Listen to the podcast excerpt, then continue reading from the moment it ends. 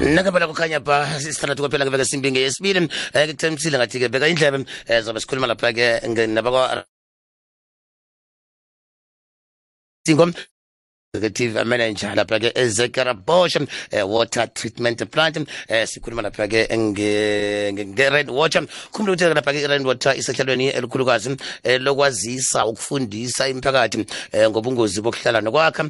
Endaweni lapha-ke kukhamba khona amapipe wamanzi okubizwa bonyana-ke ama-pipeline servitude eh, into ezinjalo. I-red water kodwa-ke eh, namapipe akuhambisa amanzi angenza 3500 kilometers ngobude eh, Eh, ngiyo ke ephakela eh, ngamanzi kubomasipala abakhulu emfundeni ezifaka isifunda segauteng eh, langingakhona isifunda se-free state mpumalanga ne-north west etlhagwini shingalanga amapayipi la athumela amanzi ke ngobuningi kibomasipala amamayini namanye nje amabubulo namtshana ke amakampani nama-industries into ezinjalo. Emoyeni ke sinaye lapha ke ubaba u-ad singo ongiyo lapha ke executive manager lapha ke ezekiel bosha water treatment plant. Asitshele ukuthi ke um eh yini ubungozi nobuhle eh ngayo lapha-ke i-rain water. Sokwamukela emhatshweni ikwekwezi fm ngiyabonga eh sanibonani kubalaleli be um ikwekwezi FM siyathokoza. Eh babushingo eh ngikubiza kuhlana ngithi singo mza yebo baba. Ahan nesikhuluma nge-rand water servitude sikhuluma ngani? Masikhuluma nge-rand water servitude balaleli sikhuluma ngendawo ezikhethiwe eh ukuthi kulezo ndawo kuzohamba amapipe eh wamanzi ase-rand water eh kwamanje eh masilongu sifundisa ama communities sikhuluma ngalezo ndawo la kukhona already eh ama pipe em phansi ukuthi eh sesiwafakile kulezo ndawo esithi kubalaleli lezo ndawo banga akhi kuzo ngoba kunengozi. Bakusingo bakure-nota nabakhuluma ngokuthi-ke eh nabathi people are encroaching on a pipeline servitude basho ukuthini? Mabethi abantu baya encroacher eh sisho ukuthi la kuhamba khona ipipe nendawo e- ehlelelwe ukuthi kuzofakwa khona ama pipes abantu bayahamba ba-akhe khona izindlu nemizi. Um bafike ba noma angithi nama-pipes sibe na, na what we call ama-valve boxes. Ama-valve boxes yila sifake khona ama-valves ukuthi sikhona ukuvula noma ukuvala amanzi. Ngesinye isikhathi sinokuthola abantu avule lapha angene akuhlalele ngaphakathi noma bazifakele izinto lapho ngaphakathi. Eh basuke seba encroachile lapho. Ngamanye amagama bahlala eh, eh, eh, endaweni engasiyo begodwa bathatha amanzi ngongasemthethweni iqiniso lelo. Kwenzeka kimiphi imphakathi baba? Kwenzeka kimiphi imphakathi yo all types zemphakathi ne? Mhm. eh and and mhlambe yiyo lento into eyenza ukuthi sikhulume eh nabalaleli futhi. Abantu babona ngathi ku encroacher mhlambe abantu abasemkhukhwini kuphela. Mhm. we've had situations where ku encroacher even nama estates ama gated estates uthola ukuthi leyo estate iakhe right very close or on top phezu kwama pipe wethu um eh sithola namakampani futhi a- akhayo phezu kwalawo mapipe noma eduze nawo. Em sinama shopping centers nawo la uthola ukuthi shopping center nayi ihambe eh ijarity lakhona lonke lihlezi phezu kwepipe Mhm. so ku- u- u- wonke ama communities aya aya encroach whether abantu abase abasemkhukhwini whether ama shopping centers whether eh ama gated communities Mhm. Ku- ku- ku- kulobungozi obungangani-ke lokho? Eh ingozi inkulu ama ama ama pipe wethu ahambisa ipre amanzi amaningi ipressure yakhona inkulu Mhm. if singakhumbula to um 2017 new year's uh, day very early in the morning Mhm. um a, a gated community in Joburg South Mhm. kuyaba nepipe eyabhesta leyo pipe iye yasusa izindlu imoto uthole imoto isuka la kwami imove siyithole in af- three houses from ekhaya Mm. Ba- because lamanzi anamandla kakhulu Mhm. we know we know um in Tshwane some few years ago ibhestile yashaya eh at- and lapho bekusemkhukhwini Mhm. Kube nenhlanhla ukuthi akekho umuntu oshonile Mm. kodwa lawo manzi aya was- washaya imkhukhu bathola imkhukhu ingale ingekho la beyikhona. Imoto uk- uk- ukubonisa nje ukuthi lamanzi anamandla. Ayakhona ukuthatha imoto ayise phezulu imele phezulu emoyeni. Ye manje. so ungacabanga nje ukuthi makunomuntu asendlini encane eh lelo pipe maselibhesta lizomenza Ingozi. so abantu kumele ba- ba- ba- ba- ba- ba- ba- basuke kuma um servitude ngoba anengozi kakhulu Mhm. mlalele kokwezi fm um eh, nawe-ke singakunikela ithuba lokuthi-ke uzibuzele eh, sikhamba nalapha ku-ad singo o-executive manager eh, ezeker bosh eh, water treatment plant. Eh, ngangithina ku-089 120 767 089 nakushaba ngo-pv at sabc eh, co za shaba ngo-pv at sabc co za eh, nalapha-ke ku-at vumvumo underscore za at vumvumo eh, underscore za um eh, babusingo umuntu wazi njani-ke ukuthi-ke indawo le engiyo le eh, ngile ephekela amanzi eh nofana ngeyerenota Eh eh masiloku sihamba mawudriver emgwaqweni uzabona la la sifake la khona khona ama pipe wethu aha. Uza uzathola kunama sign ipiece ye concrete ibhaliwe lapho ukuthi rand water. Ezinye zakhona zi blue mm.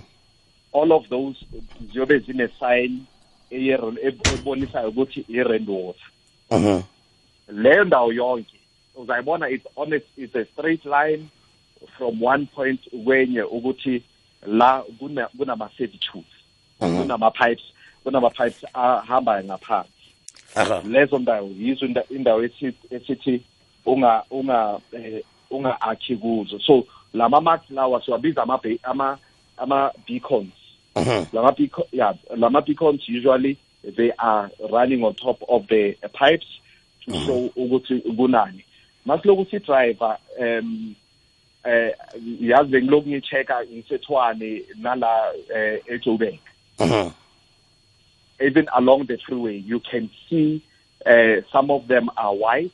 They are written uyakhona ukubona nama valve box wethu buningi bakhona bu- i- i- a- akhwe nge-face brick Mm. and then phezulu i-concrete Mm. inkinga nje ukuthi izivalo zakhona insimbi so bazithathela leyo nsimbi aha babusingo alongenza njani nangimuntu eh nengisola namtjana ngizibona ukuthi ke la ngisendaweni yama pipe la eh, ngiku pipeline service shoot hey ma- mawusendaweni yama-pipe or noma ubona omunye akhe kwi-servitude eh noma wena ufuna uku-akha awukho sure ukuthi eh kune-servitude la. Mhm. U- uyasifonela thina i think into eqala you- ukhuluma nekhansela because amakhansela ayazi eh indawo la i-town planners ithi la kuzoba indawo yokuhlala abantu mhm. Yibo abantu abaqala eh, eh, ukukhuluma nabo. Secondly you can then call rand water customer services uh, center go 086 0860 10 1060 ithi ngiphinde futhi Mm.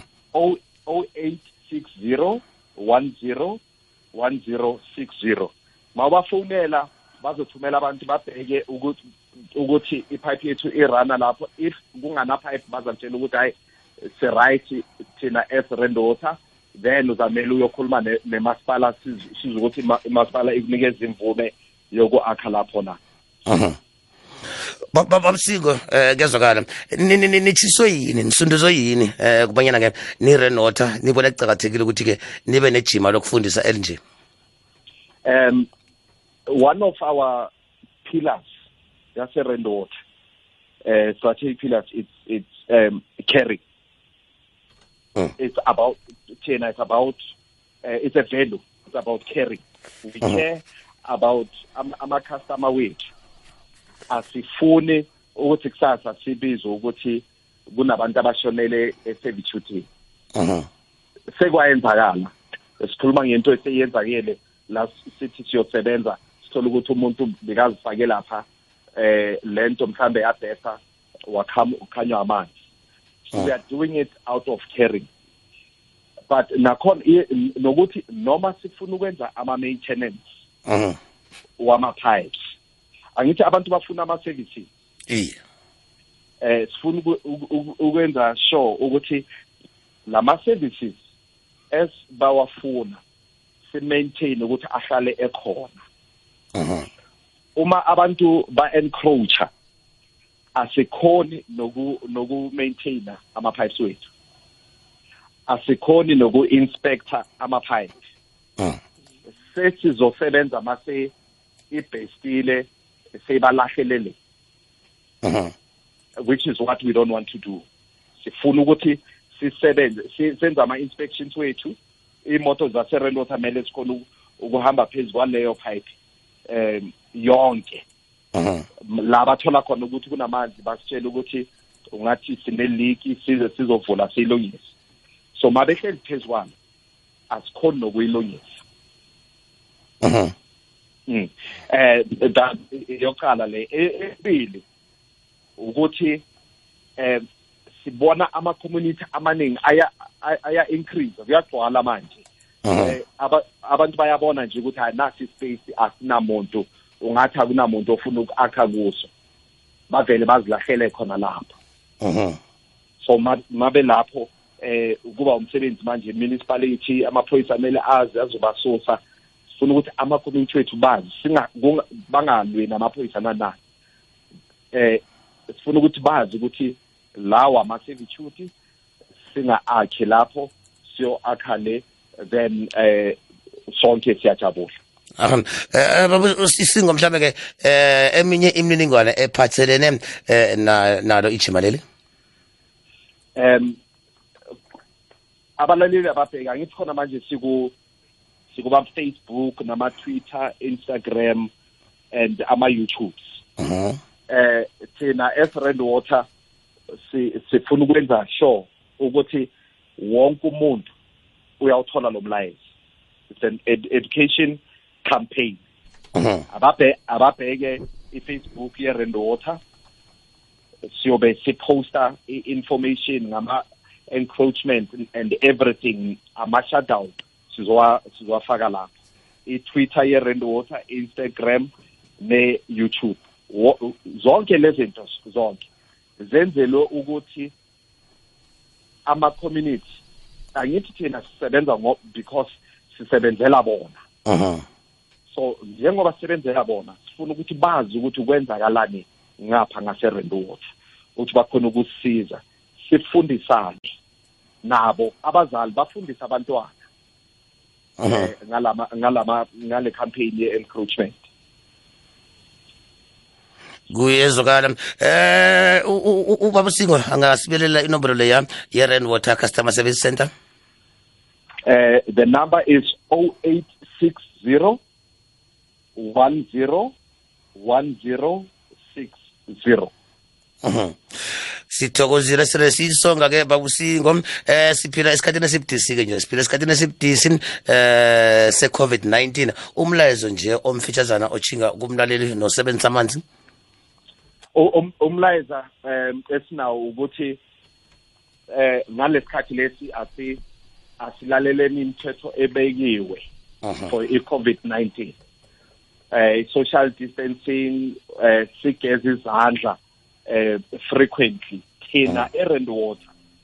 Esizo esizo promise umphakathi ukuthi sizo make sure ukuthi amanzi akhona ukuthi bakhona ukugeza izandla. Noma sesigeza izandla let's save water. kuyezwakala um bekuthi ngizathola umlaleli lapha ku-089 1207 ku-089 1207 um kutsho khona ukuthi-ke umlaleli uzwile um umlayezo ufikile um siyathokoza um babusingo ngiyabonga ngiyabonga nakubalaleli ah, ah, ngelapha-ke ubanam ngelapha-ke ubaba u usingo eh, ethi singo of- o- executive manager. Eh, lapha-ke ezekerbosh water treatment plant. Eh, sikhuluma lapha ngendaba eziphathelele nabakwa-rand water eh, ukwakha lapha-ke endaweni engasizo eh, begodu endaweni la kuhamba khona-ke eh, amapipe zule-ke eh, batsho-ke i-rand water inamapipe akuhamba phezulu eh, 3500 kilometers eh, ubude bakhona. Yeke-ke eh, batsho- batsho ungacapheleli lapho eh, ngoba na-ke uzazibona usengozini. Mhasho ikwekwez f m kukhanya ba.